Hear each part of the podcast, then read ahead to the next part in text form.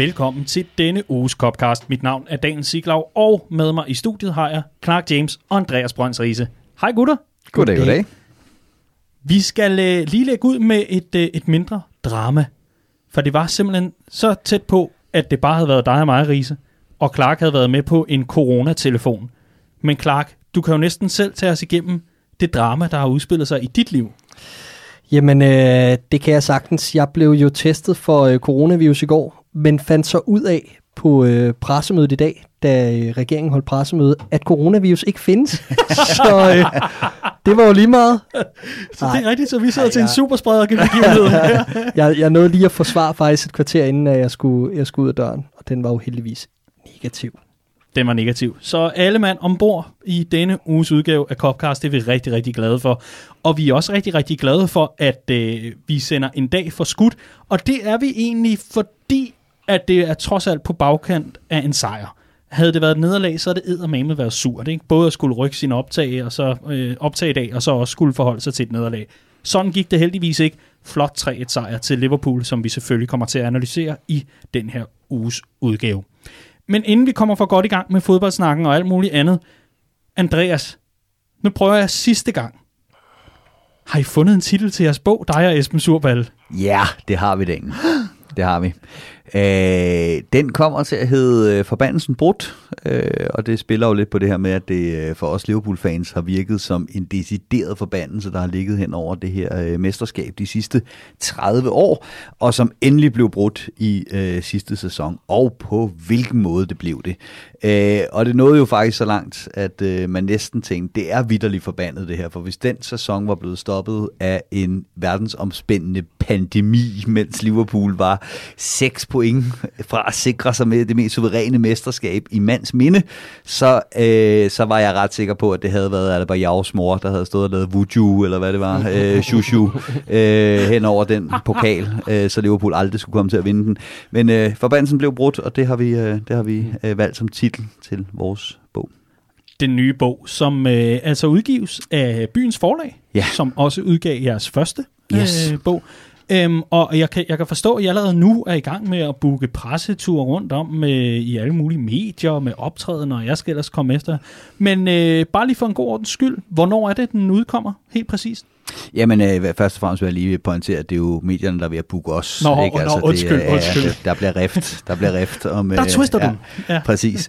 øh, nej, øh, den kommer til at ryge i forsalg på redmanfamily.dk og på vores Facebook-side her øh, inden for en, ja, et par dage, uges tid. Øhm, og så ryger den i trykken øh, lige så snart, at vi har den aller sidste korrekturlæsning på plads, og så udkommer den inden for to-tre uger.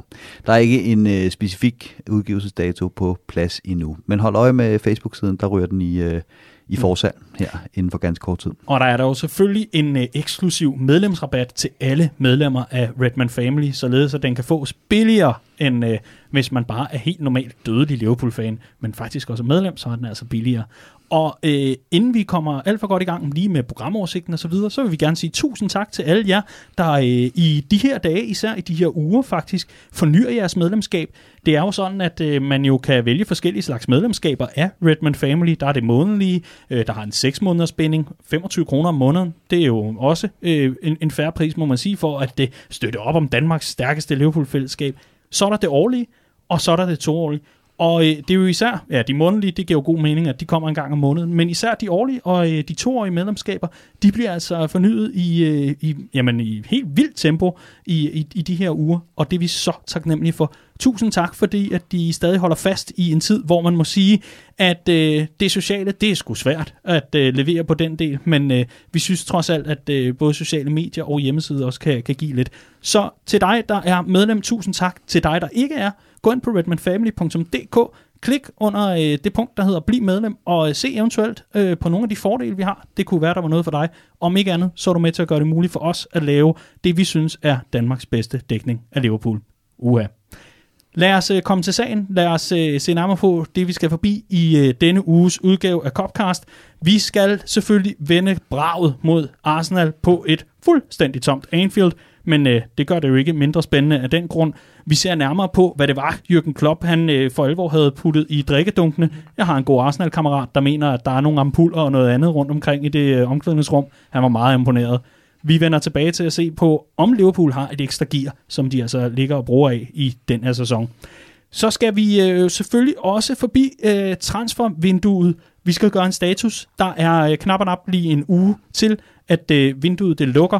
Hvilke spillere får vi ikke at se i Liverpool fremover? Hvilke låner vi ud? Vi tager lige en, øh, en temperaturmåling. Øh, ikke corona-relateret, vil jeg hilse at sige. Men vi tager i hvert fald lige temperaturen på et transfervindue for Liverpools side, som har altså har budt på lidt tilgang, men altså også kommer til at byde på rigtig mange afgange, må man forvente, i den kommende uges tid.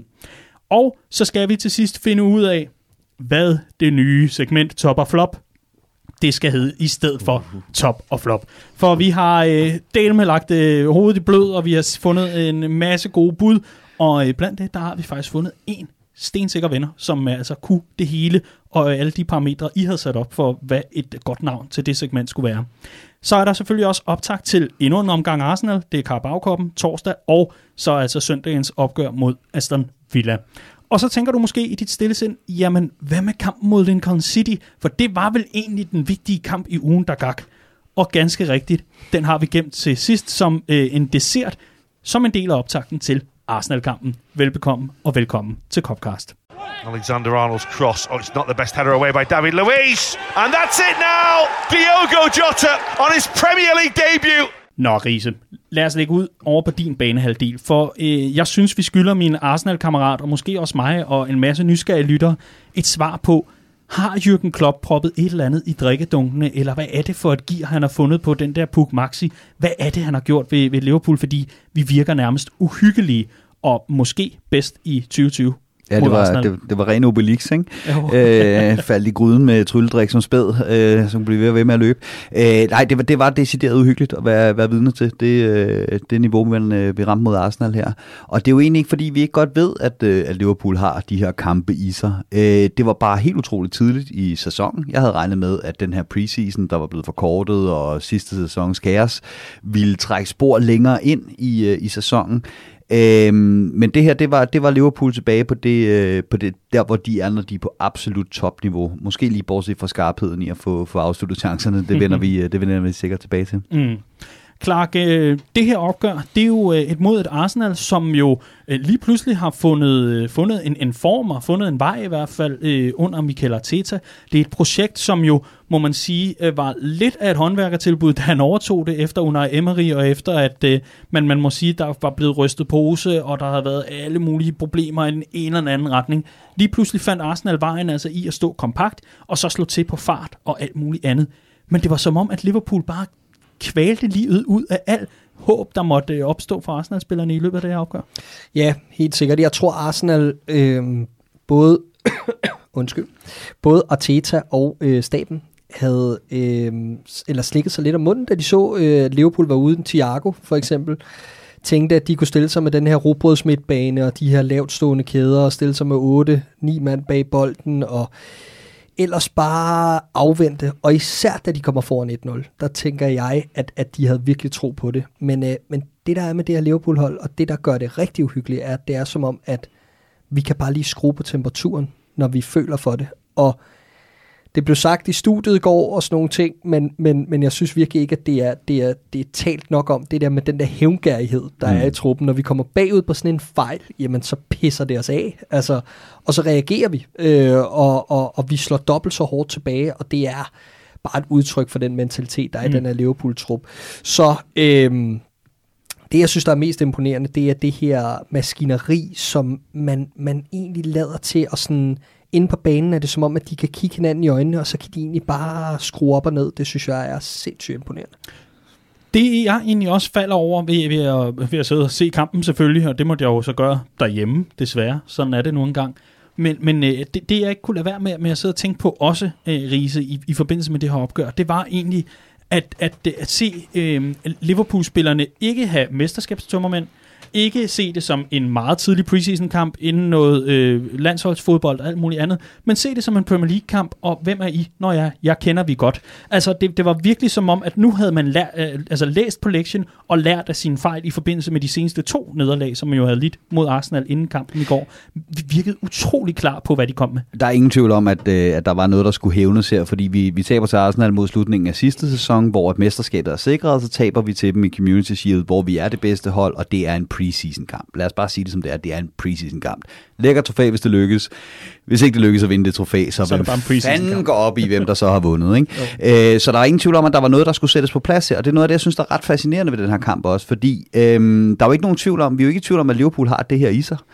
Vi var bare i tvivl om, vi stadigvæk havde det i os. Det er det, der, den, der har været det helt store spørgsmål frem mod den her sæson. Det er, er sulten der stadigvæk? Kan vi stadigvæk gøre det her? Kan vi bare mose videre? Og jeg kan tydeligt huske øhm, sådan de, de gamle rutinerede øh, managers i, øh, i i Premier League. Øh, for eksempel en, en Alex Ferguson, og for så vidt også en Mourinho, da han øh, dominerede med sit Chelsea-hold. Når der kom sådan en ny udenlandsk manager ind, som øh, medierne pumpede op, og som øh, alle syntes var spændende, så skulle de lige ind og sætte på plads, når de mødte dem, at øh, velkommen til min liga, ven. Ikke? Mm. Øh, og nu er det ikke fordi, at Teta er ny i Premier League, han har været assistent i, øh, i, i City øh, under Pep Guardiola, men han er lidt den der nye dreng i klassen, som alle lige nu snakker om, er rigtig spændende og kan nogle rigtig spændende ting med sit fodbold og så videre.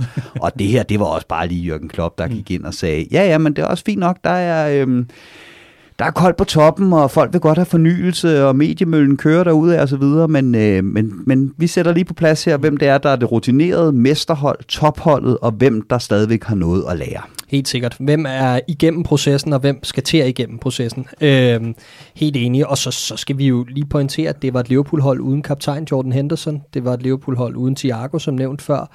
Øh, det var et Liverpool-hold, som hvis resultatet ikke var kommet, så havde man kigget den vej og sagt, jamen, og så er problemet der igen, og, og Keita, og åh oh, nej, og det ene og det andet. Ikke? Kigger man på den midtbane, Liverpool stillede med i går, seks fejlafleveringer imellem hele kampen. Altså, det er helt, helt uhørt koncentrationsniveau, vi lægger for dagen. Og især med tanke på, at Arsenal, en af de ting, de lykkes rigtig godt med under Arteta, er netop det her presspil. Og jeg synes egentlig i store dele af første halvleg, at jeg sad sådan, jeg sad ikke med hjertet op i halsen, men jeg sad og tænkte, hold det op, de, altså, det, er, det er intakt, det presspil, de leverer. Og ofte fik de os ned i to mod to over for Gomes og Van Dijk, hvor at Gomes og Van Dijk igen skulle løse det her helt enormt koncentreret for, at det gik godt, og det gik godt mm. hver gang. Så imponeret over de to. Øh, især Gomes, som har været super udskældt, mm. og som ikke har spillet godt i mands minde. Altså, spiller en fantastisk kamp i går. Og så Van Dijk, altså helt seriøst. For mig, jeg er ikke lige så gammel som dig, Andreas. Jeg har ikke lige de 40 år i bagagen, som du har. Han er den bedste forspiller, jeg nogensinde har set. Han er, jamen han kan alt. Altså, Arteta efter kampen, der også bare står og øh, rødmer lidt, når han snakker om hans 60 meter aflevering op i brystet på Salah, ikke? Altså, han er, han, hans autoritet, hans måde at være komplet på, Altså, jeg kan ramse op øh, styrke, øh, autoritet, pasningsspil, den afslutning, han har for distancen, øh, hans beslutninger, hans koncentration til... Altså, jeg kan blive ved. Han, han Altså, kan jeg- det hele. Jeg tror, Robertson en dag vil mene, at han har for små fødder, men ellers så, øh, så, så helt rigtigt. Jamen, fordi det, det leder mig jo hen på faktisk øh, et af de punkter, vi, vi skulle forbi, og det er jo netop det her med, at Liverpool-forsvaret øh, har virket for mange, lader det til, en, en kende for arrogant og afslappet, mm. i, øh, i hvert fald i mesterskabsperioden, hvis vi kan kalde den det, eller store dele af 2020, øh, coronapausen fraregnet selvfølgelig. Men det synes du selvfølgelig ikke, man ser mod, mod Arsenal i går. Der ser man jo netop et, et topkompetent Liverpool-hold, Ja, altså- og en, en snot dum fejl selvfølgelig. Nå, jamen, jo, der er jo den ene fejl for Andy Robertson, men, men altså, Trent Alexander-Arnold har også en, en fejlaflevering ind i midten af banen i første halvleg. Det er sådan det, jeg kan huske. Mm. Altså, ellers så- er det virkelig minimalt, ikke? Øhm, og så vil jeg sige, i forhold til den her kritik, vi har jo været lidt på nakken af Van Dijk i forhold til sådan den der, hans koncentrationsniveau. Nogle gange, så tangerer det også, altså den der, den der rolighed, han har, tangerer arrogance og så videre. 91 kampe i streg nu, ikke? I Premier League, altså har han spillet, og det er måske hans største styrke. Altså mm. det er hans allerstærkeste parameter, det er, at han altid er tilgængelig, han altid er der. Hvis vi kigger på de 91 kampe, hvor mange har været, hvor vi sidder og siger, der, der tippede den over til det arrogante? Tre. To, ja, tre og det, kampe. det er jo den der klassiker med, at ja, altså selv, selv, når han, øh, selv når han er dårlig, så er han god, ikke? Ja. Øh, fordi at, at, at niveauet er så, så højt. Og så netop det her, som, vi, øh, som jeg synes er ret fascinerende, og som, som jeg synes, vi jeg virkelig også tog med for den her kamp. Øh, netop sådan en som Joe Gomez, jeg var fuldstændig blæst bagover, fordi Øhm, normalt, når spillere er igennem sådan en krise, øh, så, så ser man, at ja, præstationerne bliver gradvist bedre. Der er et eller andet, der lykkes. En halvgod kamp bliver til en god kamp osv.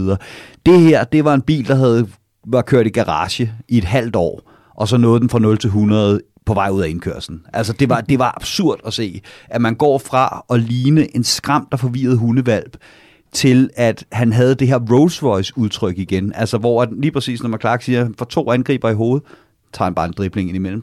Øhm, Og den aktion, du tænker på der, hvor han bagefter slår en 40 meters ja, præcis. op i fødderne på han, Mané, han var tilbage eller til det her, han var tilbage til det her, hvor han, han lignede en, der vidste, øh, der simpelthen ikke troede på, at de kunne tage bolden fra ham. Øh, og så slutter kampen så i øvrigt også med, at Aubameyang øh, rent faktisk får noget, der minder om en halv meter på ham. Og hvem jagter ham ned, fordi han allerede har tænkt et træk mm. fremad? Det gør Joe Gomez. Han var tilbage til at agere øh, i stedet for at reagere, og han var tilbage til at have det her øh, netop fuldstændig perfekt, sunde, arrogante udtryk, som når ham og Van Dijk rammer det samtidig, så er de et uhyggeligt makkerpar. Ja, og, og uden, uden at der går sådan noget kontrafaktisk øh, i den, fordi det er sådan noget, vi, vi lader øh, Frank Lampard om, at øh, tænk nu, hvis vinden var gået en anden retning, og Liverpool ikke havde scoret på deres chancer. Men hvis fejlen var udblevet for Robertson, så kunne man jo godt have talt om, at så var målet jo øh, så var målet ligesom holdt rent i det her opgør. I hvert fald havde man en bundsolid defensiv. Det er det, jeg vil tage med om der er scoret eller ej, det er sådan lidt underordnet for pointen. Fordi det er bare ikke en, en Liverpool-defensiv, der indkasserer tre mål, som mod Leeds United for eksempel. Nej. Og, og det er jo ret interessant, når man så for eksempel, og det er ikke for at kalde øh, enkelte pundits ud, men ret interessant, når, når talk of the town lidt er, at der er beky- bekymrende tendenser i Liverpools bagkæde. Det var Peter Kær blandt andet forud for Chelsea-kampen.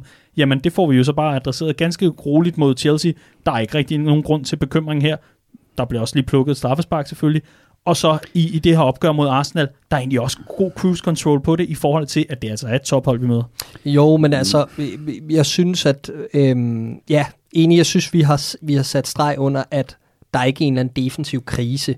Men det er tydeligt at se, at vi spiller endnu mere på at stille med den her høje bagkæde og køre den kalkulerede risiko, der hedder, ja, det kan godt være, at vi øh, ikke indkasserer mange chancer, men de chancer, vi indkasserer, de bliver så også kæmpe store. Mm. Øh, og, og det er jo den risiko, man løber, fordi man siger, ja, men så samtidig så skærer man også bare ned på mange af de store chancer, fordi der er var, som kan kalde de her minimale offsides.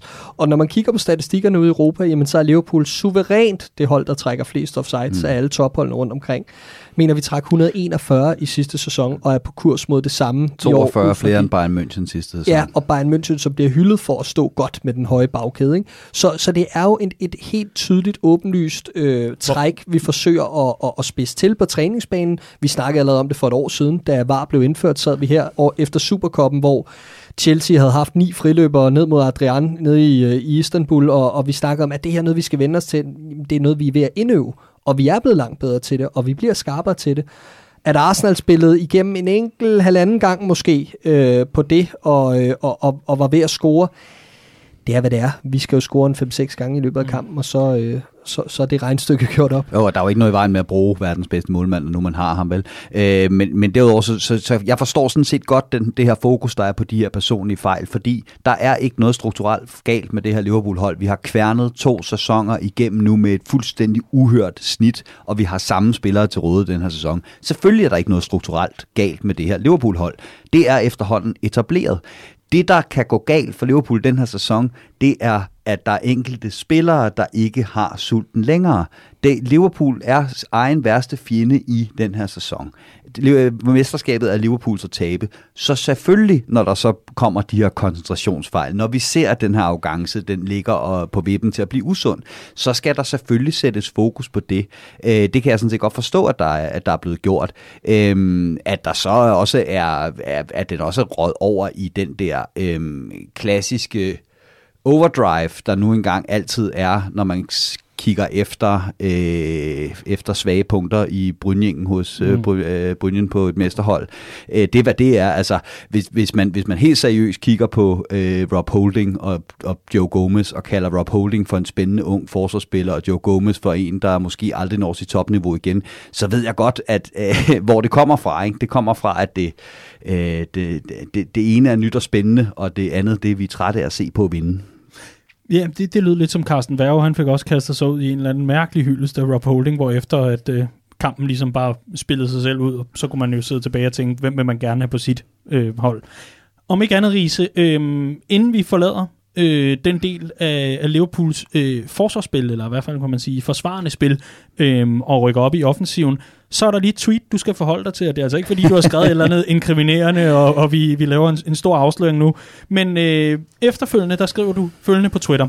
Rent taktisk, Liverpools pres er sårbart over for den hårde, flade bold op gennem midtbanen, som illustreret både ved scoringen og Lacazettes kæmpe chance og sådan suppleret af en, en vigtig note. Men om ikke andet, jeg vil gerne have, at du, øh, du lige uddyber, hvad, øh, hvad der ja, tænkes på her. Jeg synes, jeg synes, det var en dybt fascinerende taktisk kamp, den her. Og der er masser af ting, man kunne grave sig ned i. Men det, jeg primært lagde mærke til, det var det her med, hvor meget Klopp havde lært øh, for de gange, han har mødt øh, Arteta på den måde, Arteta gerne vil spille bolden ud bagfra på. Øh, og det gør han med de her øh, øh, tre centerbacks, og så to øh, centrale midtbanespillere, der kan skabe sådan et overtal øh, inde på midten. Øh, og så vil de godt have, have spillerne, modstanderne suget frem af banen, og så kommer den ud til en øh, bak, ligesom den gjorde mod os i Community Shield, så kommer det lange skifte mod Aubameyang, og så er han en mod en, og så er han jo bare uhyggelig. Og det som Klopp også siger efter kampen, det er, du kan ikke holde styr på Arsenals opspil i 90 minutter uden at presse højt, og du kan ikke holde styr på Aubameyang 90 minutter, når du presser højt.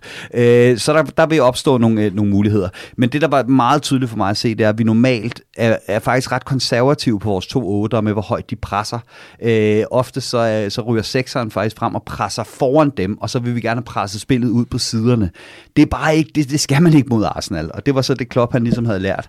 Så, så jeg synes, det er meget, meget sigende at se det der med, at øh, et minut inden Arsenal scorer deres mål, der stjæler vi bolden højt, og det ender med en Gini Wijnaldum-afslutning. Der er både Keita og Gini op og presse på kanten af modstandernes felt. Begge otter er deroppe og presse, og det har vi ikke set længe. Men det er nødvendigt, hvis man skal bryde den måde, Arsenal gerne vil spille den op. Det, det så til gengæld gør, det er så det, vi ser ved målet da den bold ryger igennem fra Xhaka, igennem, skær bare igennem vores midtbane direkte op i fødderne på, på Lacazette, så ryger hele vores midtbane øh, foran bolden. Så tager de simpelthen bare hele midtbanen ud med én pasning. Det plejer man ikke at kunne mod Liverpool, fordi otterne er, er så meget mere øh, konservative i, øh, i, i, i presspillet. Men som jeg så også skriver i, i det tweet, det er fandme også en god aflevering for Xhaka, ikke? Øh, og det er ikke, vi kommer ikke til at møde 20 midtbanespillere i Premier League den her sæson, der kan lægge den aflevering. Så har han så alle mulige andre mangler. Det kan vi altså komme ind på en anden dag. Ja, øh, og så vil jeg sige den helt store forskel på netop, at den bold kommer ud til Aubameyang og skaber den farlige situation, som vi har set 100.000 gange øh, i Premier League. Øh, og som også skete mod os i Community Shield, jamen det er, at det ikke er Nico Williams, men Trent Alexander-Arnold, der spiller på den bak. Og det er ikke for at shame den unge Nico Williams, som har haft en hård uge, uh. øh, men, øh, men det er for at sige, at Trent Alexander-Arnold er unik, mm. og øh, han holder Aubameyang på nul afslutninger kampen igennem, og øh, det er rimelig godt gået for en bak, der kun kan noget offensivt. Altså, det, er, det er så klassisk klop, det der med at sige, jamen de andre har en virkelig skarp spiller. Hvordan pakker vi ham sammen? Det gør vi ikke. Vi sørger for at fjerne forsyningslinjerne yes. til ham. Der gik den første halve time af kampen, der opdagede jeg nærmest ikke, at Aubameyang var med bortset fra når han var forkert placeret, når vi spillede bolden op i højre siden, hvor Trent kunne have lagt tre assist på den første halve time, mm. hvis der havde og været score, skarphed og i, øh, ja, hvis der og, i feltet. Og hvem har flest berøringer i kampen? Det har Rob Holding. Det er nok heller ikke helt tilfældigt. altså, hvilken Arsenal-spiller? Ja, ja, ja, selvfølgelig. Clark, øh, og det, øh, det, det er jo ret in, in, interessant i forhold til, øh, til netop ude, ude i, i den side af, af Liverpools øh, forsvarslinje. Trent Alexander-Arnold bliver, bliver efterfølgende. Der er sådan et ups and downs med ham. Robertson, jamen han vender det bare om at score i opgøret fuldstændig øh, abs- absurd et eller andet sted, ikke? og lave sådan en mega fejl, og så bare vise, at man er så mentalt et monster, som, som man er, og virkelig i den her trup, og gå op og, og, og, og ligesom øh, få bragt orden og balance i regnskabet. Men øh, vi skal altså op op foran fordi øh, Mohamed Salah bliver mere og mere udskældt, øh, sådan i takt med, at han, jo længere tid han bliver i Liverpool, så kommer der lige nogle perioder, hvor den kritikken er nede, og så videre. Hvorfor løber han i vejen? Og så må man også lige anerkende, at han er god nok, og så videre. Det er sådan lidt ups and downs. Bobby Firmino, der er mange, der stadigvæk eller ikke helt rigtigt, det lader det i hvert fald til, har ikke, ikke helt rigtigt har affundet sig med, at han ikke sådan er en, en Fernando Torres angriber. Han, han er nok noget andet. Og så har vi altså ude på venstrekanten, den spiller, jeg vil nok må mene, og det er jo så bare et postulat herfra, jeg synes, at øh, Sadio Mane, han er verdens bedste fodboldspiller lige pt. Øhm, altså, det er Van Dijk helt sikkert, men øh, okay.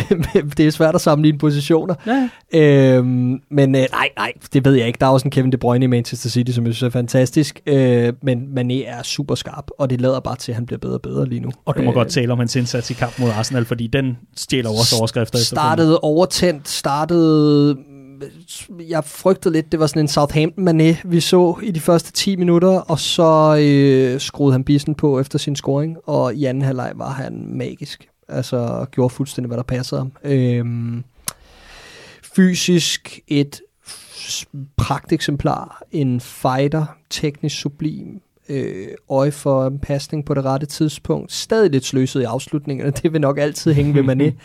øh, den han har, hvor han vender den forkerte ja, vej rundt. Altså, jeg tænker, hvad laver det, han altså?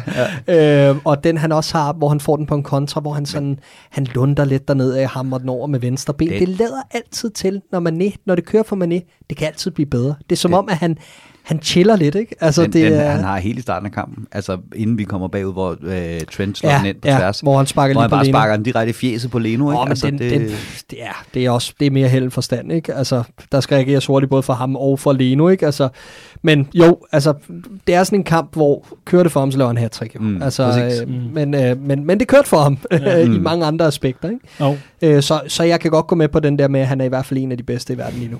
Og det var heller ikke fordi, at der skulle gå øh, stor fed tabloid i den eller noget, men jeg kunne simpelthen ikke lade være med at sidde og tænke tanken i går. Er der egentlig nogen offensivspillere så mm. i så fald, der, der er bedre end ham lige nu, og det har jeg svært ved at se. Hold nu op, jeg er meget, meget mm. imponeret af, af det niveau, han, øh, han ligger og, og fortsat bygger på. Det, øh, det er forbløffende et eller andet sted, at det kan lade sig give sig. Mm. Et, øh, og det er man ikke vant til i, i Liverpool. Vi er vant til, at, at der, det oser klasse og så videre, men nu er det sådan kontinuerligt nu i flere sæsoner. Altså skal vi, skal vi, skal vi snart til at pakke ned for, for Copcast? Der er jo ikke noget negativt at sige. Men, altså, de må men, bare videre. men, men nu, nu sagde du det med, med en mand som Mohamed Salah. Altså jeg synes jo, at han er startet super skarpt også. Og jeg synes, at noget af det, jeg ser, han har bygget på, det er, at han er blevet, han er blevet bedre i sine beslutninger med bolden, frem for bare at drible ind i en mand. Jeg synes, det han har lagt for land med her efter sommerferien, er, at han, det ligner, at han har et bedre pasningsspil. Og jeg synes, den aflevering, han havde i sidste kamp, hvor han lægger den med ydersiden, var det ikke også, der mm, snakkede mm, her også, mm. hvor han lægger den med ydersiden ind til ja, hvad er det, Van Dijk i den Jeg kan ikke huske det. Det er også underordnet, men, men den han har i går til Shota, ja. som han lægger ind, hvor han sparker i siden af det, altså det er, det er sindssygt vigtigt. Ja, nej, han har bygget sådan lidt en lille... Altså, det har han jo så haft længe i sit spil, må man jo så konstatere, når man mm. kigger ned i tallene eller et eller andet, men det er bare blevet meget mere tydeligt nu, at der er også en, en, en glimrende playmaker, glemt, glemt, gemt i Mohamed Salah. Ja, altså i går var det jo super vigtigt, fordi øh, øh, netop på grund af ned af den højre side der, øh, der fik vi spillet ham en mod en med Tierney, som, øh, som lå på den der venstre, øh, yderste venstre øh, centrale forsvarsspiller. Øh, og så som vi snakker om der, Van Dijk, der bare pinger den ene 60 meter pasning direkte førende på Mohamed Salah, der kører Tierney midt over, ikke? og det er også det, der, der gør, at man øh, scorer, øh, scorer sit mål. Mm. Og, og det, er jo bare, det er jo bare fuldstændig øh, fantastisk ganske kort her til sidst, fordi øh, vi skal snart videre og tale noget transfervindue og alt muligt andet, men øh, vi skal lige tale om debutanten, Diego Sota, Diego Sota, undskyld, der er lige øh, udtaleservice her, som jo kommer ind og scorer sin debut på Anfield, og man kunne jo godt have tænkt sig, at han kunne have gjort det foran en fyldte kop. Ikke? Det havde været fantastiske scener. Ikke desto mindre, Riese, øh, i den tid, han var på banen, fik fulde rise med fadølen, som vi talte om i sidste udgave af Copcast. Fik, fik han noget for pengene der? Ja, han var bedre med det. Ja, øh, øh nej, det var fuldstændig, fuldstændig fremover. Han, han skulle have haft et hattrick, ikke? Øh, og, og, fantastisk, at han så ender med at få scoret det mål der, fordi ellers så havde den der i sidenettet øh, været sådan en ærgerlig en, han skulle over, øh, inden han ligesom rigtig kunne komme i gang i, øh, i, i Liverpool. Men jeg synes, vi så præcis, hvad det er, vi har købt. Ikke? Øh, en meget mere en-til-en erstatning for Mané, som jeg var inde på øh, øh, det her med, at han er en målscorer. Han, han, han bevæger sig godt i et, øh, i et felt. Han kommer frem til chancerne, og han er en klinisk afslutter. Og ikke et ondt ord om Divock Origi. Jeg Jeg, skulle jeg har simpelthen lyst til at, øh, at få lavet en kæmpe tatovering af manden på ryggen. Altså, han er, han er, jeg, jeg vil føde hans børn, hvis det var muligt. Men, øh, men øh, det er ikke hans spidskompetencer. Han er hverken hurtig, han, han bevæger sig faktisk ikke særlig godt, når han spiller den der fløjangriber. Og lige præcis det her med, at, øh, at Salah lige holder den på bolden, det der halve sekund, og så tager Shota det helt rigtige løb i ryggen på den øh, mand, han skal. Øh, modtager bolden på første berøring, lægger den ud, så han faktisk kan afslutte med begge ben. Øh, det er så venstre benet, han vælger i den. Det er en mand, der kommer til at score mål for os, det her. Og det er bare så vigtigt, når man spiller på de fløje, at man gør det. Clark, din kommentar Preach. til... Øh, preach, brother. Øhm, din kommentar og, og, din vurdering, ganske kort, af Diego Jota øh, her afslutningsvis. Den hvide man ikke. Altså, øh, øh, jamen, jeg synes bare, han gled lige ind, og som Riese siger, han kommer frem til tingene, ikke? Og øh, øh, jeg glæder mig til at se ham få sin første start på torsdag øh, mod selv samme modstander. Der tror jeg, at det bliver rigtig, rigtig underholdende. Øh, og øh, ja, altså i, i modsætning til en kamp mod Lincoln, hvor han aldrig rigtig kom ind i kampen, og øh, fik aldrig rigtig mulighed for at blive spillet ind. Det var svært, det var en masse reserver, det var sent i kampen, kampen var afgjort, alt det her. Så var der her et indtryk af, at han baklede lige ind. Altså, og, og det, det var en fed fornemmelse. Det der med, at man følte, at man kunne sætte en mand på banen, som kunne gå ind og fortsætte det niveau, vi har vist i den første time, for Mm. eksempel. Mm. Det synes jeg er... Jamen, det, det lover rigtig godt for et hold, der vel ikke rigtig kan blive meget bedre, men det kan det så alligevel. Det kan vi nemlig. Og øh, Diego Jota er jo øh, et, af, et af et par indkøb, der er blevet gjort i, øh, i det her transfervindue, som har varet uendelig lang tid, må man sige. Godt nok øh, været, været guffe guffe med, som du plejer at kalde det, Riese, mm-hmm. Mhm. øh, for de tabloide journalister, der bare har kunne køre rygtemøllen for fuld drøn og lavet alle deres øh, rygteartikler. Ikke desto mindre, så øh, kommer vi til at nørde transfers for sidste gang i hvert fald i, i det her år, må man gå ud fra, fordi vi rykker direkte videre, og så tager vi temperaturen på transfervinduet her en uge før det lukker. Er der nogen af jer, der har øh, sådan mærket det, at det har været silly season? Det har været noget, øh, altså det har, det har været noget underlig følelse omkring det her transfervindue, var. Altså, øh, det, det der med, med, med et sommervindue, kan vi vel ikke kalde det mere, vel? Nej. Altså, i, i fredags var der intet sommer over, over noget som helst, vil, vil, vil, vil, vil, vil sige. Men, men også bare sådan et, det, det, har, det har været, vi kommer ikke til at hente noget, vi kommer ikke til at hente noget, vi kommer ikke til at hente noget. Inden for 48 timer henter vi det, vi har brug for. Tak for i dag. Altså, det var Ja. virkelig, Præcis. det har virkelig været sådan et transfervindue for Liverpool. Altså, man, man, man skulle tro, at, at vi, vi efterhånden havde vendt os til det, men det har vi bare ikke. Og, og nu står vi her. Men øh, vi skal jo alligevel have taget temperaturen på, øh, på det her transfervindue. Og, øh, og Riese, jeg ved jo, fordi det kunne jeg se på min indbakke, at du har jo simpelthen spammet mig lige siden den nyhed kom ud, om du ikke nok må have lov til at tale om, at AGF har øh, hentet en keeper på lån. Så det får du lov til. Kamil Garbala? Ja. Jamen, det er, jo, øh, det er jo for mig at se muligvis den største nyhed i fodboldverdenen, siden at, øh, at Messis kontraktsituation blev en lille smule Messi. Ikke? Øhm, øh, jeg, har, jeg har ikke noget at sige. Øh, Nej, til, til Nej. Grabata. Nej, det er også okay. Ej, glimrende udlån, ikke? Men, Jo. øhm, men ja, Der er i hvert fald et par GF'er rundt omkring, Altså og bliver med- rigtig, rigtig glade. altså godt med danskervinken. Det er det nemlig. Ja. Og nu er der en, en god grund til at se AGF, hvis man, øh, hvis man sådan er Der er aldrig en god grund til at sige det. Der røg alt vest for Storebælt, kan man... Nej, undskyld, øst for Storebælt, er det ikke noget med det? Det er også lige meget. Der ligger himmelbjerget. Der ligger Himmelbjerget nemlig. Clark, vi, øh, vi har en situation i, øh, i, i Liverpool lige pt., hvor at øh, det i allerhøjeste grad er, øh, er ved at være, være, være den uge, som vi kender den så godt, hvor Michael Edwards han lige får streget de sidste navne ud på listen. Mm. Hvem skal vi øh, af med, og hvem skal blive, og så videre. Sådan så Excel-arket det stemmer. Han er den eneste med et Excel-ark, man godt må holde af.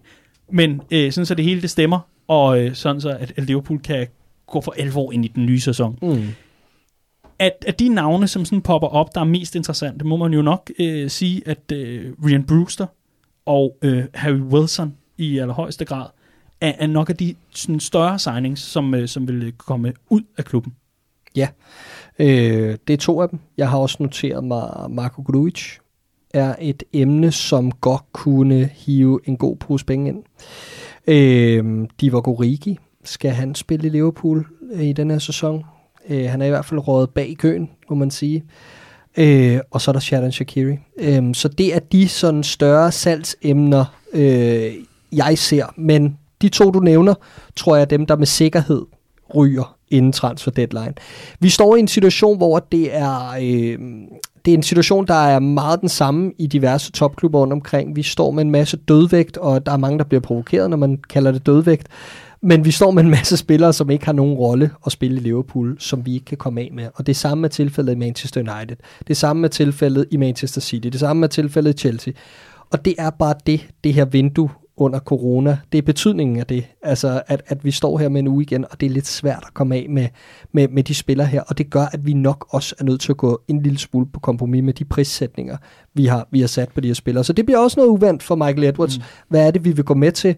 Og alternativet er, at man siger, okay, jamen hvis, øh, hvis det er fordi, at klubber vil prutte så meget om prisen, øh, jamen så er der jo faktisk et januarvindue ikke så langt herfra. Så spørgsmålet er, om man ikke venter med nogen af dem.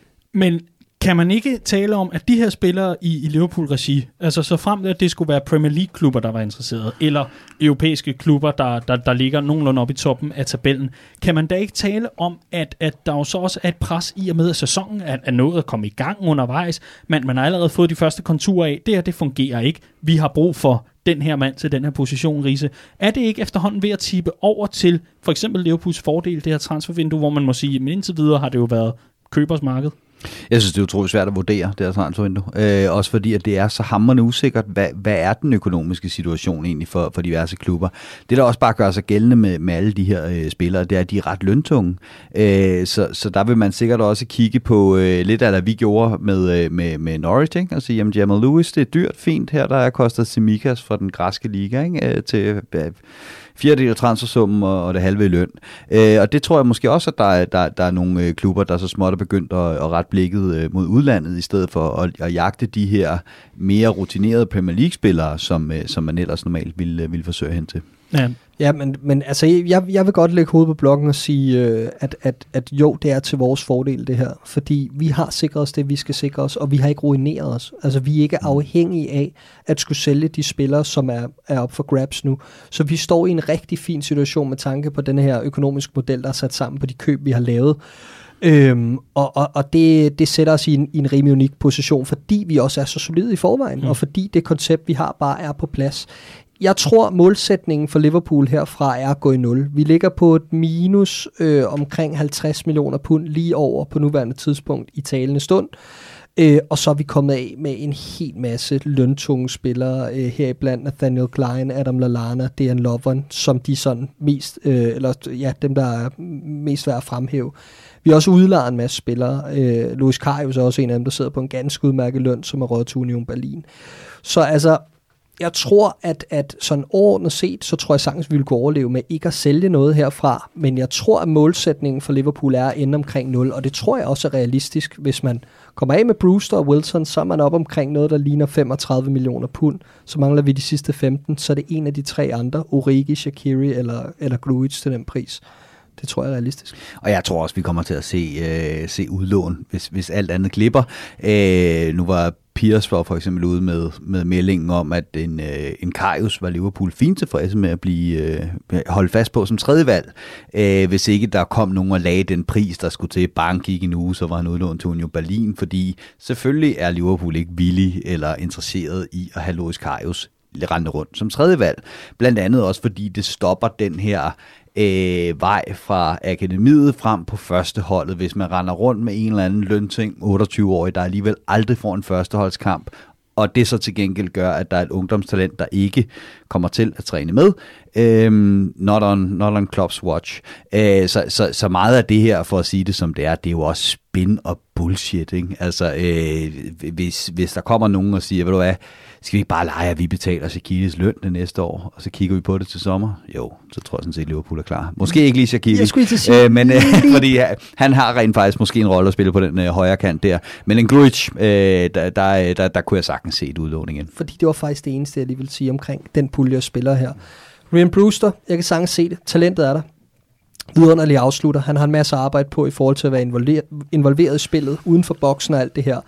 Han skal ud og spille noget fodbold. Selvfølgelig skal han det. Jeg synes, det giver mening, hvis man kan få en tilbagekøbsklausul. Ikke at jeg nogensinde tror, han ender tilbage i Liverpool igen, for det er så sjældent, at, at det sker især i vores klub. men det vil bare være fedt at have. Øh, det viser, at vi har kontrol over situationen. Fint. Grujic, god spiller, bliver aldrig fastmand i Liverpool. Øh, Origi, vi har set, hvad der skal ses. Han har skrevet kapitlerne i eventyret. Nu skal han videre ud og spille fast et eller andet sted. Men lige præcis Shakiri, der er et eller andet. Der er et eller andet omkring, at han, han, han, er, han er meget skadet selvfølgelig, så vi kan ikke tillade os at være afhængige af ham men vi ser bare hans kvalitet hver gang han spiller. Om han har siddet ude et halvt år, jamen så kommer han ind og spiller Merseyside Derby og scorer. Øh, så sidder han ude i ni måneder yderligere og får lavet nyt hår, og så øh, kommer han ind og laver et af de bedste frisbaksmål, jeg nogensinde har set mod Lincoln og spiller ind i en god kamp. Altså, han er sådan en spiller, som han tilfører bare noget bredde, og så har han nogle kompetencer, som ganske få spillere har. Han er en specialist, og han har et vidunderligt venstre ben, og dem kan man altså ikke, øh, dem, dem skal man ikke se sig for fint til at, at, at, at, at kunne gøre brug af. Nej, fordi ender vi ikke, undskyld, jeg kunne se, at du var simpelthen lige ved at komme afsted med det, Riese, men ender man måske ikke med at så skulle give afkald på en, der bidrager rigtig godt til træningen, når han altså ikke er skadet. Som for eksempel Adam Lallana jo netop var en rigtig fin spiller, og netop også bare var en af dem, der gik forrest i træning og blev ved med at holde niveauet højt. Jeg synes bare ikke, det er nogle af dem, vi overhovedet mm. er øh, altså, det, det er sådan nogle typer som Milner, mm. øh, som ikke kommer til at få mange kampe fra start den her sæson, men kommer til at være vigtig til træning. Øh, jeg tror, Uri er enormt afholdt, øh, og jeg tror, han er en udmærket træningsspiller. Øh, jeg tror ikke, han sidder på et tungt mandat i, øh, i truppen på nogen som helst måder. Øh, Shakiri, der tror jeg, at, at selvom, øh, selvom vi snakkede i sidste uge om, at Shota også kan spille højre kant, så vil man godt have to til hver position, og Shakiri er vores eneste anden højre kant, øh, som, som backup for, øh, for Salah. Så det giver mening at beholde ham. Der er, ikke, der, der, der er ikke meget, der skal gå galt, før vi lige pludselig har brug for ham. Øh, hvor at, at Grujic med den mængde af midtbanespillere, vi har i Liverpool nu, der er ingen chance for, at han får anden spilletid, end det han gjorde mod øh, Lincoln. Øh, og, og Origi begynder også at snærpe derhen af. Ikke? Mm. Ja, det er jo fantastisk at se, hvad, hvad, hvad det kan med en erstatning til netop Mane, som vi var inde på i, i et opgør mod, mod Arsenal. Ryan Brewster, øh, de to klubber, der er tale om, henholdsvis øh, Crystal Palace og så øh, Sheffield United, det er især sidstnævnte, som øh, har floreret mest på rygtebasis. Øh, den lokalavis, hvor jeg har måttet oprette en bruger for at læse artikler fra Sheffield øh, lokalavisen The Star. Oh. Uh, yes, den, uh, man må godt låne et login, hvis man har lyst. Bare selv en, uh, Sheffield er jo en af de mest glamourøse byer oh. i, uh, i England. Så Kæft, der... man, du har brugt to af dine fem ugentlige artikler. Jeg tror ikke, jeg kommer til at bruge meget mere. Nå, nok om mit netforbrug. Men om ikke andet, uh, historierne i forhold til det, de fortsætter, og de bliver ved med at køre. Uh, det, der, det der er, det er lidt, at man, man ligger omkring prisen, hvordan skal det være, og så kunne man jo eventuelt formaste sig til, Clark, at se på Chris Wilders Sheffield United og deres placering i tabellen, og så deres målkonto måske for indeværende sæson. Den ser jo øh, meget tom ud. Ja, de har kun scoret i Carabao-koppen, hvor øh, de tabte, øh, og så har de jo tabt alle tre kampe i, øh, i Premier League uden at score. Så øh, ja, helt sikkert, de har brug for en angriber. Han er super ærlig omkring det, Chris Wilder, når du hører ham snak. Øh, ja. han, han erkender jo, at, at man er i samtaler med Liverpool, og man prøver at finde en løsning, men man er også snart ud andre steder. Og det leder mig nemlig hen til næste spørgsmål til dig, fordi i det øh, Premier League-magasin, I, øh, I kører på, uh, på TV3 Sport og Viaplay, og jeg skal komme efter verdens bedste liga, der holdt de jo rigtig godt øje med Chris Wilder og Sheffield United i den forgangne sæson, uh, og har talt rigtig meget om, om projektet her, har selvfølgelig også holdt øje med Crystal Palace, men vil du ikke, så, nu, så frem at der var en tilbagekøbsklausul, vil du ikke være mere rolig ved at sende Ryan Brewster med sådan en afsted til Sheffield United og Chris Wilder? ind til Roy Hodgson og Crystal Palace? Ikke nødvendigvis faktisk. Jeg ja. synes, at uh, Crystal Palace har øh, gang i noget spændende omstillingsfodbold, som jeg tror, han vil have nogle gode legekammerater i, øh, i Esse, som er hentet ned i Queen's Park Rangers og Wilfred Zaha. Det tror jeg kunne blive rigtig interessant at se øh, med ham som spidsangriber i det. Øh, men jo, altså i, i Sheffield United vil han blive en mere, han vil blive omdrejningspunktet offensivt. Øhm, og for et hold, der har savnet en rigtig striker, der laver nogle mål, mm. i, altså siden de rykkede op, de har prøvet med Ollie McBurney og, og, og McGoldrick, ikke? Og, ja, men præcis. Øhm, og har ikke rigtig fundet opskriften til at finde en topscorer. Og hvis de skal, nu, nu kan man lige så godt begynde at tale ind i, at, at hvis de skal overleve, altså i år, så skal de jo lave mål, så de skal have en målscorer. Så jo, jeg tror, han kunne få en mere interessant rolle i Sheffield United.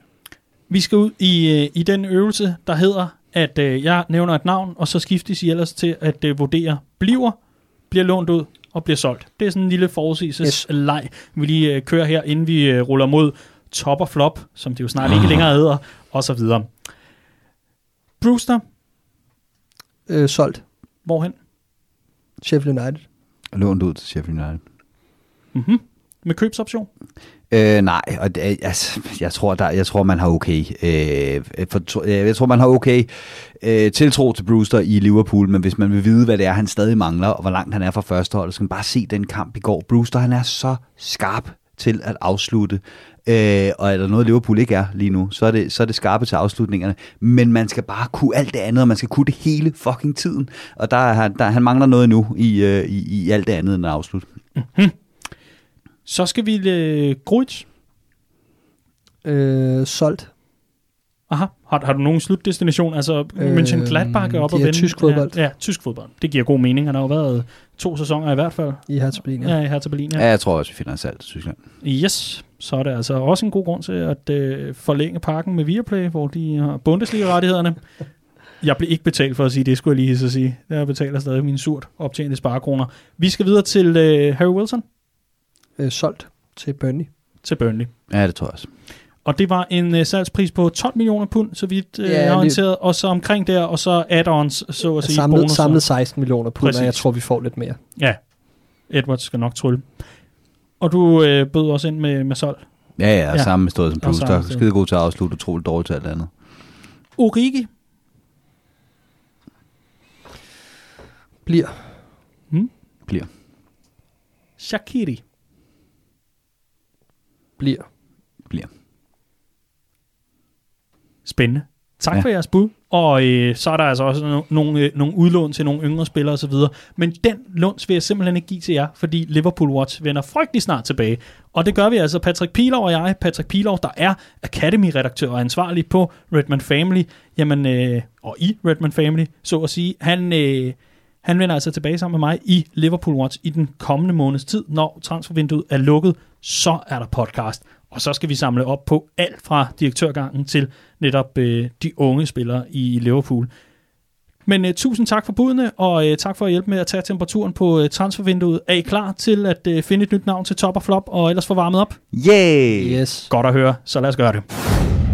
Så er vi kommet til det spændende øjeblik i denne udsendelse. Ja, I har fået analyser. Ja, I har fået gætværk. Og ja, I har fået simpelthen så hatten passer. Men vi er kommet til, øh, jamen kan vi kalde det en, en form for dåb? En, en potdåb? Ja, det synes jeg da i højeste grad, man kan. For øh, vi lagde selv ud med at kalde vores øh, det gode og det dårlige for top og flop. Og så så vi os selv i, i, i spejlet og kunne, kunne, kunne godt se, det, det holder sgu ikke. Det er, det, det er lige, det er lige lovligt, lige lovligt nemt og let købt. Og så rak vi ellers øh, ud til dig, kære lytter, og ud til jer, kære lyttere. For hold nu op, hvor, øh, hvor er det fløjet ind med, med bud i alle retninger. Og noget, der er gået igen, det er en, øh, en, en form for, at det skal være et, et Liverpool-flop. Der har man virkelig øh, taget mig meget bogstaveligt, fordi det skulle være en spiller, der virkelig udgjorde det dårlige, og så en spiller, der udgjorde det gode. Så vi har været forbi, jamen, alt fra Koncheski til Robertson og Voronin og Fowler, og jeg skal ellers komme efter dig. Og, og vi, vi har siddet og mundret os meget over de bud, der er kommet ind. Men, men vi havde nogle parametre, øh, som også var lidt... Men, men det siger bare ikke så frygtelig meget et eller andet sted om, om segmentet, udover at du er god og du er dårlig, og det bliver sådan lidt nedladende. Så kom der et bud ind, som på en eller anden måde meget smukt indkapslede lidt, hvad det er, vi var ude efter. Og jeg ved godt, det var en utaknemmelig opgave for jer, kære lytter, men vi sætter så meget pris på, at øh, det uh, giver så meget godt at smile af og grine af. Men der kom et bud ind fra uh, en Christoffer, som, uh, som, som tog øh, prisen her, og som gør, Christoffer, at du bliver en øh, bog riger i postkassen, når den ellers gider at komme. Øh, det er jo altså Riese og, øh, og Esben Surballes nye bog om øh, Liverpools flotte mesterskab. Og Christoffer Resen Bensen, han øh, meldte lige ind på vores øh, Twitter, Copcast YNVA, hvis du ikke følger den endnu, så gør det. Og her skrev han, ugens Bella og Bertie, som er navnene på de to Liverbirds nede på havnen på Royal Liver Building. For en del år siden hørte jeg en sjov historie om, hvorfor hunden ser ud mod havet, og handen ser over byen. Det skulle være fordi, at Bella hun spe- spejdede efter sin mands hjemkomst. Hvorimod Bertie holder øje med, hvornår popperne åbner. Meget passende symbolik, at ugens Bella har leveret en smuk præstation på den ene eller den anden måde, og at ugens Bertie måske har været lidt for meget på pop op til kampen. Jeg synes, det er genialt. Det er helt genialt. Helt genialt, ikke? Altså Bella, der betyder smuk, og Birdie, der er... Øh, Pissefuld. øh, Ja, der bare er... Øh, det er bodega Birdie, vi har med at gøre her, ikke? Altså, det er fantastisk. Der, der er måske nogen, der sidder og tænker, "M- men er det ikke omvendt? Er det ikke Bertie, der er helt?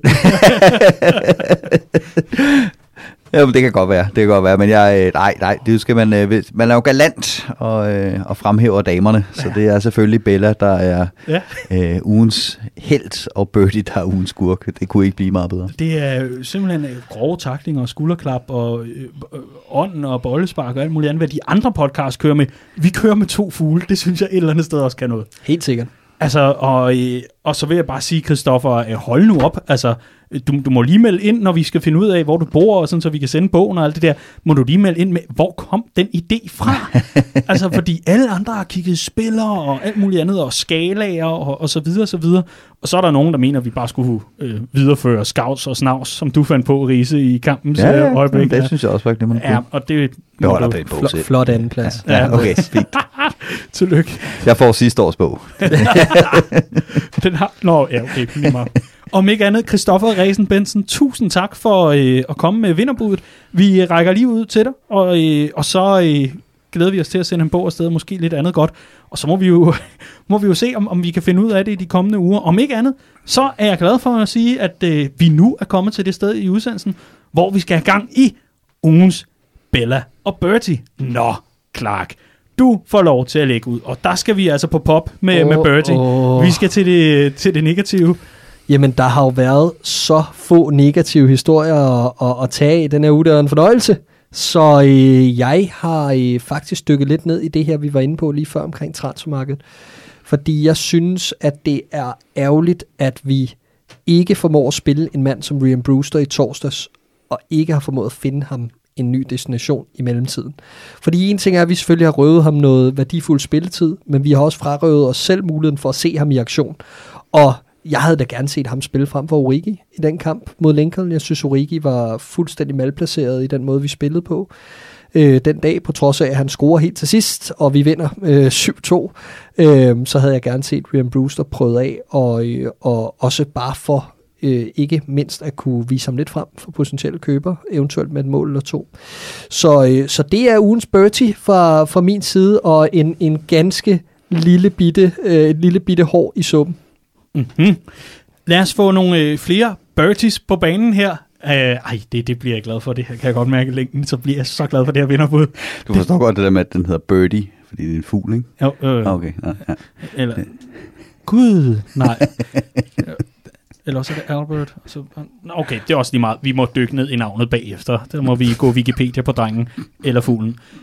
Mikkel Jacobi Thomsen, han byder ind med en, øh, en birdie, der hedder, øh, at vi er på samme pointantal som den blå side af Merseyside. Det er et godt bud på en, en birdie her. Så er der en øh, Christian Ororico, som skriver, det gør ondt med udråbstegn, men Bobbys manglende mål. Jeg er med på alt, hvad han giver holdet, men der skal altså nogle mål på drengen. Nok PL's mindst scorende nier. Bum bum. Manglende mål for Bobby. Og så har vi øh, Sylvester Røn Winkel, der lige byder ind, inden vi rykker mod Twitter og ser nærmere på, på nogle af de bud, der er kommet ind der.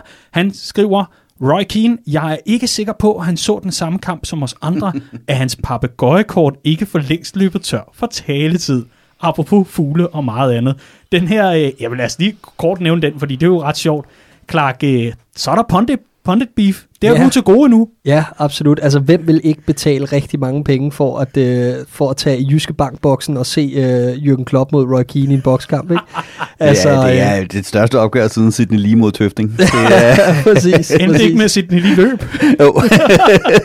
men, øh, men, men det, det bundede jo ind i, at, at, at Jürgen Klopp hørte øh, Roy Keane efter kampen mod Arsenal bruge ordet på Sky Sports øh, sloppy, omkring øh, enkelte situationer i kampen, men det fik Jürgen Klopp ikke fat i. Han troede, han mente, det var en sloppy performance, så mm. der gik fuldstændig Klopp-temperament i den, og så skulle han ellers lige sætte på plads, at det her, det var ikke en sloppy kamp, øh, og øh, det havde Roy Keane ikke sagt. Nej. Så øh, Jürgen Klopp måtte lige, øh, måtte lige komme ud med, med sit, øh, sit, sit sindssyge rant, og så bagefter ellers sige, nå ja, jeg misforstod ham også. Så, øh. og, til, og til BBC senere sagde han noget i retning af, at der er folk, der kalder det her sådan for sloppy fejl, vi laver i forsvaret, øh, øh, Robbo der.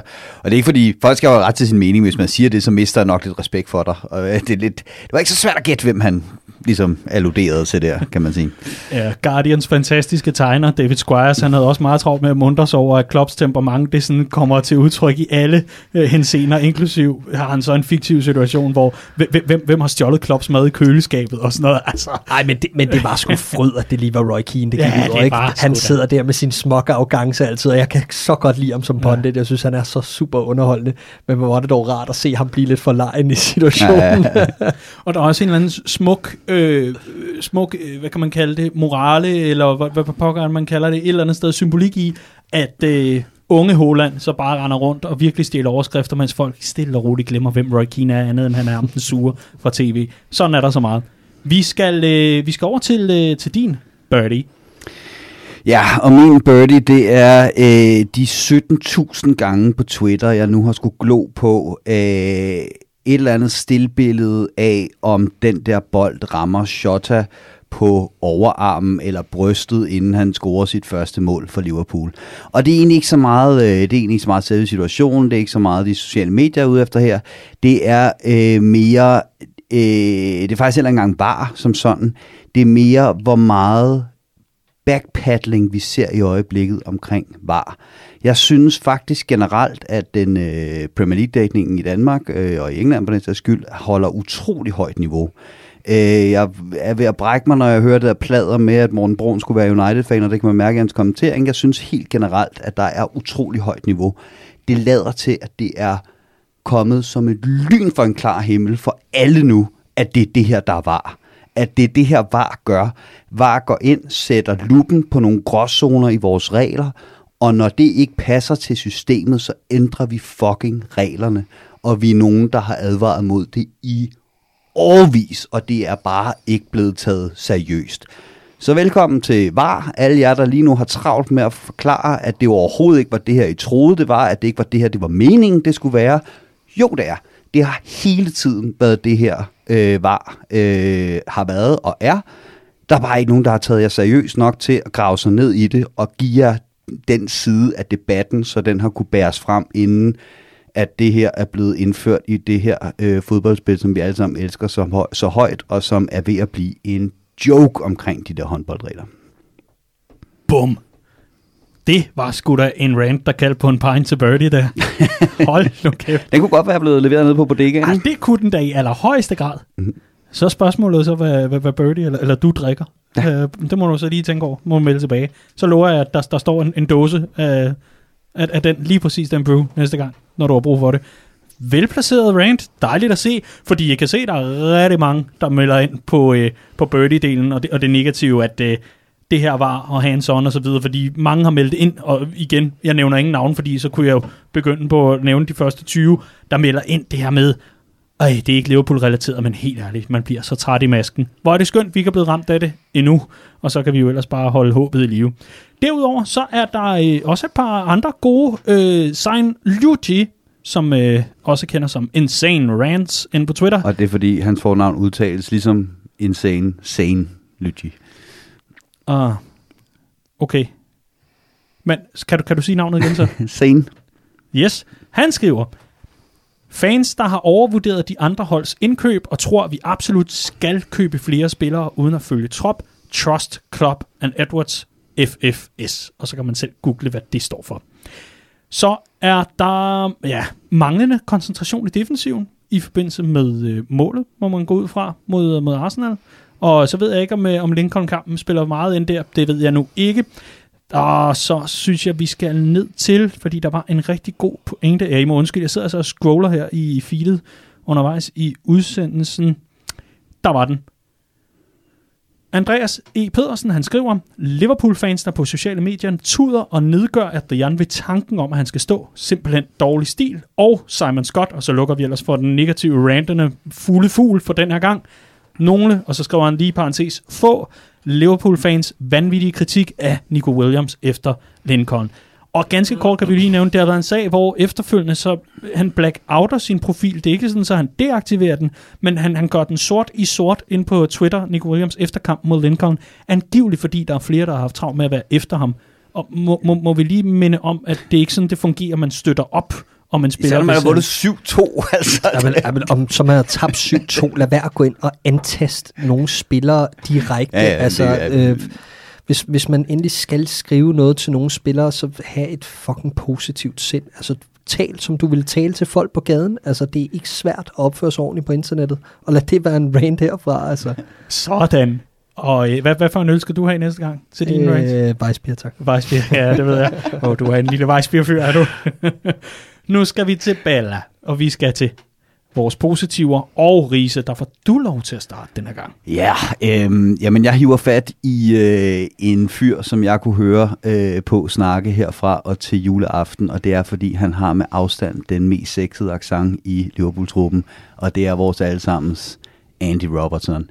Øh, han var ude i et stort interview med, øh, med Athletic her i sidste uge, og jeg får sådan nogle Dan Lovren fantomsmerter, hver gang jeg ser en Liverpool-spiller være ude med et stort interview lige inden en stor kamp, så tænker jeg, at det her, det kommer til at smelte fuldstændig ned.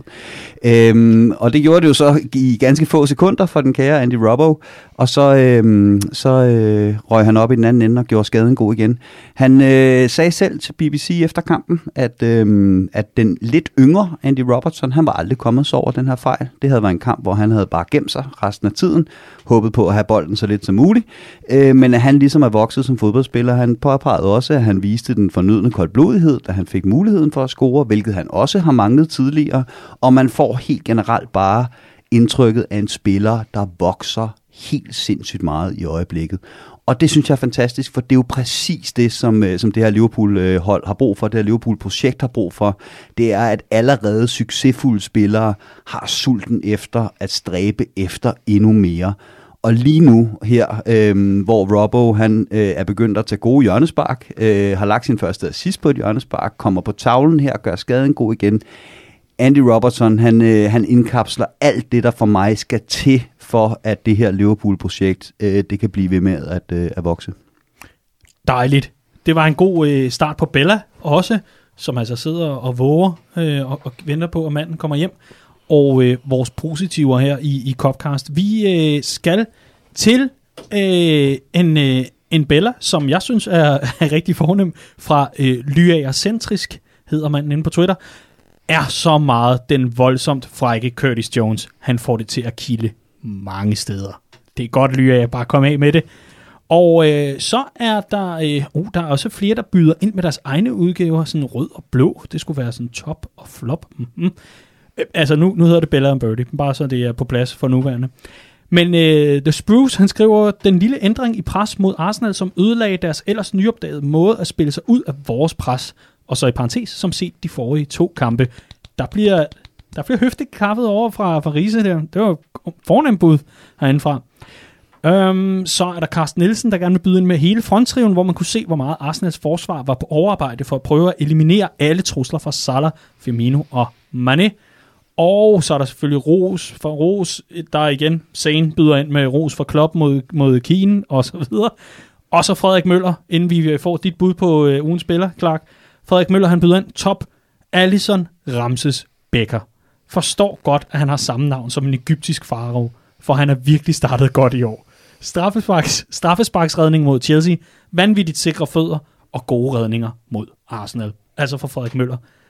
Har du Allison øh, på din ugen spiller, eller hvad, hvad har du? Nej, det har jeg ikke. Jeg synes, det var, jeg synes, det var nat og dag med Allison mod Arsenal. Øh, jeg synes, den, altså, han har en redning, ikke? Den anden, den er offside jo. Og han har fine fødder, men det er ikke godt på, på scoringen af Lacazette.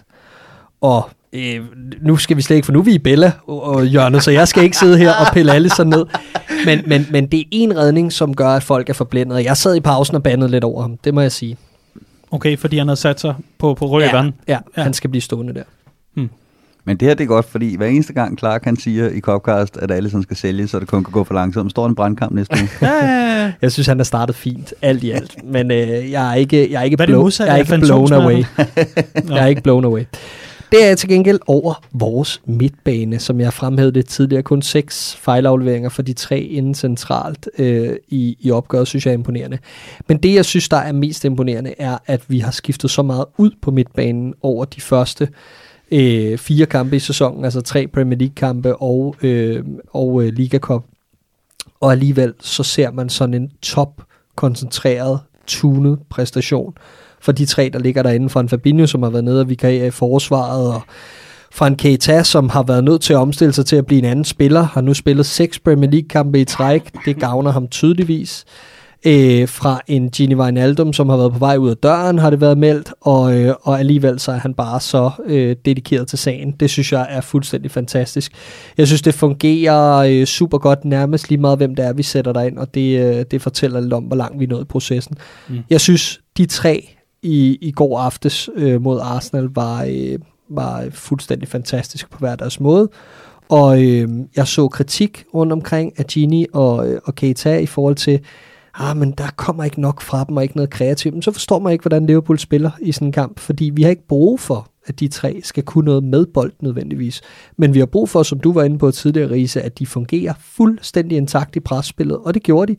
Og de kendte deres roller, og for mig kæmpe roser selvfølgelig til min dreng, øh, Nabi Keita, øh, fordi øh, jeg synes, at han er blevet det vi har set indtil videre i 2021 er en langt mere disciplineret udgave af ham.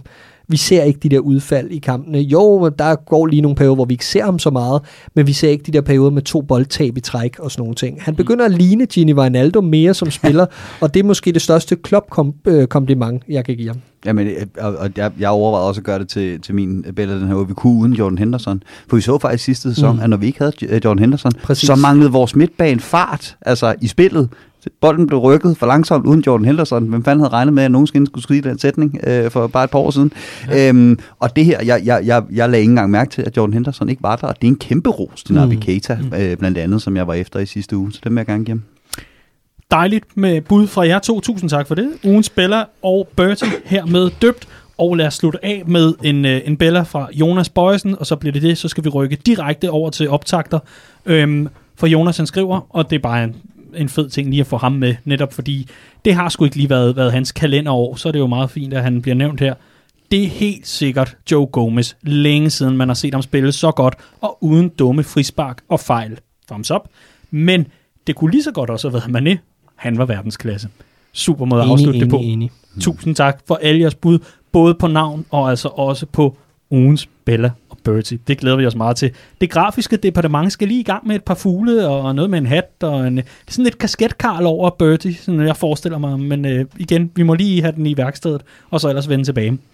Vi skal lyn kort talt om øh, Carabao-koppen, fordi når vi udsender den her kopkast, så er den nærmest allerede bedaget og, øh, og gammel, når det kommer til optakter øh, i forhold til Liverpool og netop den her Liga Cup-turnering, som jeg tror mange, mange få, eller meget få mennesker forstår stadigvæk at holde fast i, i hvert fald i den her sæson.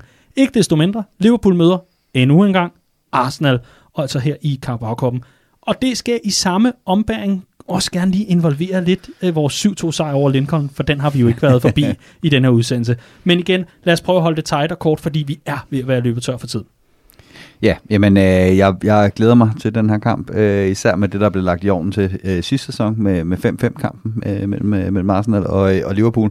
Og jeg må indrømme, at øh, jeg, for, altså, jeg forstår godt, hvorfor at øh, Carabao Cup ikke er øh, droppet i den her sæson, og det er den, fordi at Premier League klubberne er nogle grådige svin, der ikke vil øh, levere noget nedad i systemet, når det kommer til penge.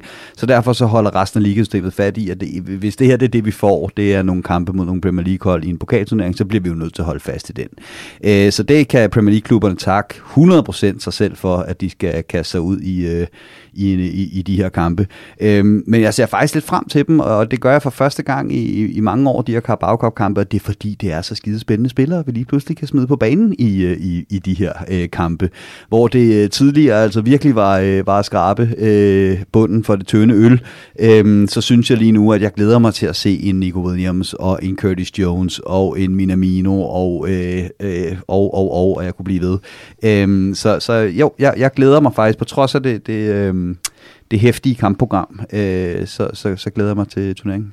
Ja, Fuld, det er fuldstændig det samme. Altså den bredde, vi har fået, gør, at, at vi lige pludselig kan stille op på en, på en måde, der gør, at turneringens kampe bliver interessante. Og, øh, og, og det så vi mod Lincoln. Altså, det er jo altid sjovt at se Liverpool lave syv mål, og så kan man sige det her med, når man trækker lidt mindre modstandere, det har også lige pludselig mistet noget, når der ikke er tilskuer. Ikke? Den der fordel, ja. som de især får fra de kampe der, det gør, at der bare er arbejdsro for os, så man går bare ind og viser, at man er et bedre hold. Altså. Mm.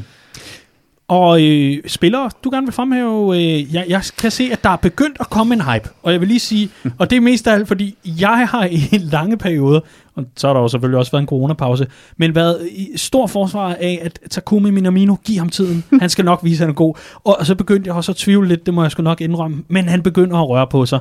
Der er flere og flere, der begynder at komme på, øh, på hype-trainet omkring ham. Clark, øh, er han en af dem, du glæder dig meget til at se? Ja, eller? absolut. absolut. Jeg kan kun tilskrive mig det, Andreas siger. Jeg glæder mig til at se ham og Curtis Jones. De var klart øh, de to outstanding spillere fra, fra det opgør i, i Lincoln. Jeg var især... Altså, jeg tror, de havde spillet fast for stort set alle andre top 6 klubber med den form, de har lige nu. Øhm, Curtis Jones, den udvikling, han er gang i, er nærmest uhyggelig. Det øh, er udelukkende fordi, at vi har brug for så meget disciplin, som vi har lige nu på den midtbane, han ikke spiller, fordi han har nemlig noget af det der, vi godt kan bruge, og han er, jeg, jeg elsker hans attitude omkring, øh, altså den sult, han har, han siger det der med, at jeg, jeg øh, arbejder selvfølgelig på at gøre mig bedre hver dag på træningsbanen, men hver gang jeg får chancen, så vil jeg vise 100% at jeg er der. Og det synes jeg bare afspejler de præstationer, man får fra Curtis Jones. Det er lige meget, om han bliver sat ind for bænken, det er lige meget, om han starter inden. Imponeret over hans slutprodukt, imponeret over hans arrogance, imponeret over, at han skulle på mod, og så bare den kvalitet, han havde i afslutningerne. Ja, ja, det kan godt være, at det var en CSX-keeper, der stod for Lincoln, men han putter dem stadig op i hjørnet hver gang, og det er, det er sgu imponerende. Udmærket, fordi det er nemlig kamp mod Arsenal torsdag, og indtil videre, i hvert fald i talende stund, så er det en kamp, man kan finde på Viaplay, og ellers så, øh, så at, at der ikke lige allokeret noget, jeg kan se, der er en masse håndbold og så videre. Men ellers, prøv at, øh, prøv at finde, finde noget Viaplay, og så øh, skal vi nok samle op på, hvordan det går Liverpool. Men du har en absolut hurtig, meget, meget sidste pointe. Ja, men den, den åbenlyse uh, Diogo Jota glæder jeg mig sindssygt meget til at se starte sin første kamp for Liverpool på Anfield, oven på det, han leverede øh, mandag aften det bliver super interessant. Og i kombination med Timikas, øh, fordi det er det, jeg synes, der er det fede, vi har fået ham, og vi har fået en bak, der minder mere om Robertson, altså i den forstand, han er mere offensiv, hvor vi sidste sæson så det her med, at hver gang, at Milner skulle være venstrebak, eller Urigi skulle være venstrefløj, så fuckede det fuldstændig op i den måde, vi plejede at spille på. Vi skulle simpelthen omstille os for meget. Så hvis vi kan få sådan en, øh, en, en billig kopi Robins, øh, Robertson og en billig kopi øh, Mané, og øh, dynamikkerne er de samme ude på venstre kant, så kommer det til at gøre underværker for rotationen i den her trup. Altså Liverpool mod Arsenal hjemme på Anfield i Carabao Cup, og det er altså torsdag aften. Søndag, der skal Liverpool møde Aston Villa, og det er den kamp, vi øh, igen, vi er knap på tid, så vi skal lige være lidt skarpe på Aston Villa. Hvordan, øh, hvordan går man til den opgave? Jamen et hold, der er kommet godt fra start i Premier League jo. Øh har vundet øh, deres to kampe, og altså, øh, hvordan man... Øh, jamen, vi spiller vores eget spil. Altså, sidste år, der så vi, at sådan et hold som Aston Villa, det er ikke nødvendigvis et hold, man kører over. Øh, vi vinder efter en dramatisk omgang på Villa Park, øh, hvor vi er bagud 1-0 hele kampen, scorer to gange kort før tid. Øh, på hjemmebane var det også en dødssejler, der havde vi allerede øh, sikret os titlen og alt det der, men, men øh, og vinder 2-0. Øh, så jeg forventer ikke, det er et hold, vi kører over. Det er et hold, der står med øh, rimelig flade kæder, øh, har Jack Grealish, man skal passe på, og ellers så skal man undgå at ramme øh, Tyrone Mings i hovedet på, på sin indlæg. And that's it. Øh, ellers så skal vi ud og, ud og spille vores eget spil, og så er jeg også sikker på, at vi har mere kvalitet end Aston Villa. Ja, men øh, helt enig. Det er meget bedre sammenspillet hold den her sæson, synes jeg, det ser ud til. Ikke? Øhm, øh, det var deres helt store udfordring sidst, det var, at de havde skiftet hele truppen ud, fra de kom op fra Championship og så op til øh, Premier League, og det så noget hosende og hakne ud. Øh, ser ud til, at de har fået løst deres angriberproblem nogenlunde med Ollie Watkins, øh, og det er, en mere, det er, en, det er en mere øh, sammenspillet øh, enhed, vi skal op imod, end det måske var øh, i sidste sæson. Og så er det bare som sædvanligt, når man møder øh, den, Aston Villa, øh, pas på Jack Grealish, men øh, ikke så meget, at du glemmer John McGinn. Men, Ap- men, apropos en birdie-lignende person, når han har ferie i hvert fald. Ja, nå. Øhm, men, men altså, Aston Villa, ja, to sejre i to, men ja, over Fulham, som er et af de dårligste oprykkerhold, jeg har set i mange, mange år, og, øh, og Sheffield United, som er i dyb krise, der ikke kan lave mål, og de var endda 10 mand. Øh, så lad os ikke lægge for meget af det. Øh, Liverpool skal selvfølgelig ud og slå Aston Villa og sørge for, at man går på landskampspause med, med maksimum point, og det er jeg også sikker på, at vi gør. Ja, fordi øh, vi skal, inden vi, øh, inden vi lige hopper til øh, bud på resultater, startelver og så videre, og det er altså fordi, at øh, vi har haft ekstra meget øh, på programmet i, i den her omgang, så, øh, så vi skal igen lige, lige holde det lidt kort. Men, men øh, det, er jo, det er jo ret interessant i forhold til den uge, der kommer, øhm, at øh, vi får afgjort, hvem der skal øh, være med i øh, dette års udgave af Champions League. Bum bum. Og der er altså også en, en lodtrækning, som altså øh, kommer til at finde sted torsdag, og det er altså efter de sidste playoff-kampe er blevet spillet tirsdag og onsdag. Og så skal vi finde ud af, om øh, FC Midtjylland er med i puljen. Uha, så kan Claus Steinlein jo slet ikke trække vejret længere. Hvis man ikke de i Liverpool, de kommer til, øh, til MCH Arena. Hvad fanden er den hedder? Ja, den hedder MCH Arena. Ja, det er MCH Arena. Ja, men det var virkelig en dårlig uh, gengivelse okay, hvordan, hvordan er den så? Nej, det vil jeg ikke sidde Det er dig, der kan den. Det vil jeg ikke sidde og gøre herovre. Den tager jeg til en julefrokost. der, der var den. Åh, oh, hvor det klasse. Men om ikke andet, det er altså øh, sidste opgør for, for Liverpool. Først og fremmest Arsenal, torsdag Carabao Cup, og så altså Aston Villa. Og så er der landskampspause, fordi vi skulle nødig komme for godt i gang med at sidde og hygge os med at se fodbold. Ikke desto mindre rigtig spændende med den her lodtrækning, og, øh, og, og mund ikke Liverpool, de får en gruppe, som, øh, som gør, at man kan koncentrere sig om, øh, om lidt af det samme øh, som, som sidst, altså med at øh, vinde et mesterskab. Det kunne da være rart, så vi kan få Riese i gang med at skrive endnu en bog. Forbandelsen brudt igen. Riese, et bud på resultat og en startelver mod, øh, mod Aston Villa? Øh, øh, jeg tror, at Liverpool vinder øh, 2-0, og det tror jeg, de gør med øh, Allison, med øh, Trent Alexander-Arnold, med Gomez, Van Dijk, Robertson, Fabinho. Øh, hvordan var det med Henderson? Øh, han, han bliver nok klar. Han bliver nok klar, så bliver det øh, Henderson, Keita, Gini sidder over og så de tre i, i fronttriven, og øh, øh, den kære Thiago Alcantara, kan jeg lige se her nu, er øh, testet positiv for corona, øh, så han sidder nok over. For helvede. Om Klopp sagde også, at han nok var ude til efter så det er, det er simpelthen det, der gjorde, at han sad ude i går. Det, det, at, jeg lige tweetede LFC, at, øh, at det, han er testet positiv for det corona. Det er jo for, derfor, forhåbentlig, forhåbentlig er det det, og ikke en, en muskelskade ja, eller lignende, ja, ja, som, uh, som holder ham ud. Men, og ikke, at det ikke kan være slemt nok. Uh, det er men, derfor, du har fået nyt internet. det er så, vi kan få sådan nogle meldinger. Uh, jeg, jeg er kedeligt enig i opstillingen, og jeg tror, Liverpool vinder 3-0. Udmærket, udmærket. Det var altså budene for, for nuværende. I må også gerne komme med. Går vi videre i Carabao Cup mod Arsenal? Ja, det tror jeg. Hmm? det tosser coin. Altså, det er, okay. det, jeg, jeg tror, vi ryger ud i straffesparkskonkurrence, så har vi lidt af hvert. Ja. Ganske udmærket. Tusind tak til jer begge to for, øh, for den her omgang. Det har været en udsøgt fornøjelse, og tusind tak til dig, kære lytter, for at være med hele vejen. Det er vi rigtig, rigtig glade for. Det har været en øh, usøgt fornøjelse med denne omgang Copcast, især fordi Top og Flop nu er død. Velkommen til ugens Bella og Birdie. Det øh, skal nok blive rigtig interessant og rigtig, rigtig fedt. Husk, at du altid kan holde dig opdateret på Liverpool øh, i Jamen, i Danmark, og det kan du inde på øh, vores hjemmeside, redmanfamily.dk. Det kan du inde på Facebook, hvor du måske engang imellem står på Redman Family. Ellers gå ind og like og følg med. Så er vi også på Instagram og Twitter. Igen, søg efter Redman Family, og du skal få simpelthen, så, øh, så hatten den passer. Med mig i studiet hedder Clark James og Andreas Brøns Riese. Mit navn er Dan Siglov. Tusind tak, fordi du lyttede med.